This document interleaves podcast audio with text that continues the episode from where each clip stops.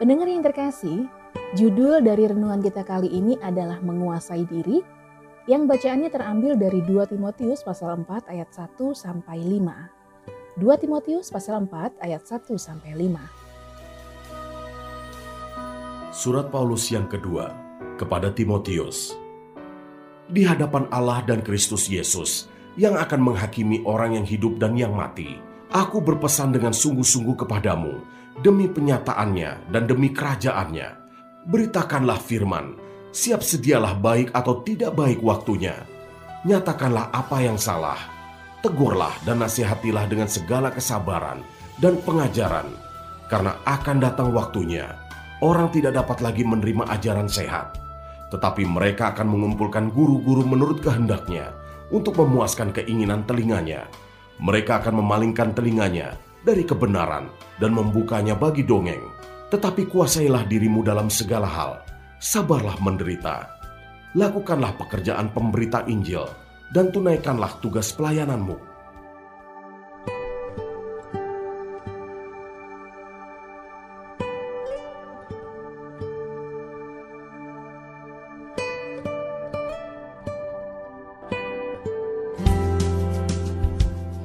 Tetapi kuasailah dirimu dalam segala hal, sabarlah menderita, lakukanlah pekerjaan pemberita Injil, dan tunaikanlah tugas pelayananmu.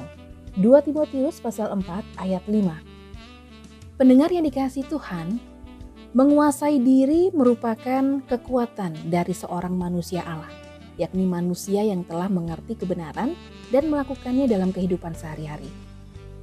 Menguasai diri itu bukan berarti kita hanya bisa menahan ketika kita menginginkan sesuatu, tetapi lebih menunjuk kepada hati yang netral ketika disakiti, hati yang mudah mengampuni seperti halnya Kristus. Orang-orang yang menguasai diri tentunya dia juga akan sabar ketika diperhadapkan dengan manusia-manusia atau sesamanya yang tidak mudah diatur dan tidak mudah untuk diarahkan. Paulus memberikan nasihat kepada Timotius supaya Timotius ini memiliki kekuatan tersebut, yakni menguasai diri dan kesabaran ketika dia melakukan tugas pelayanannya.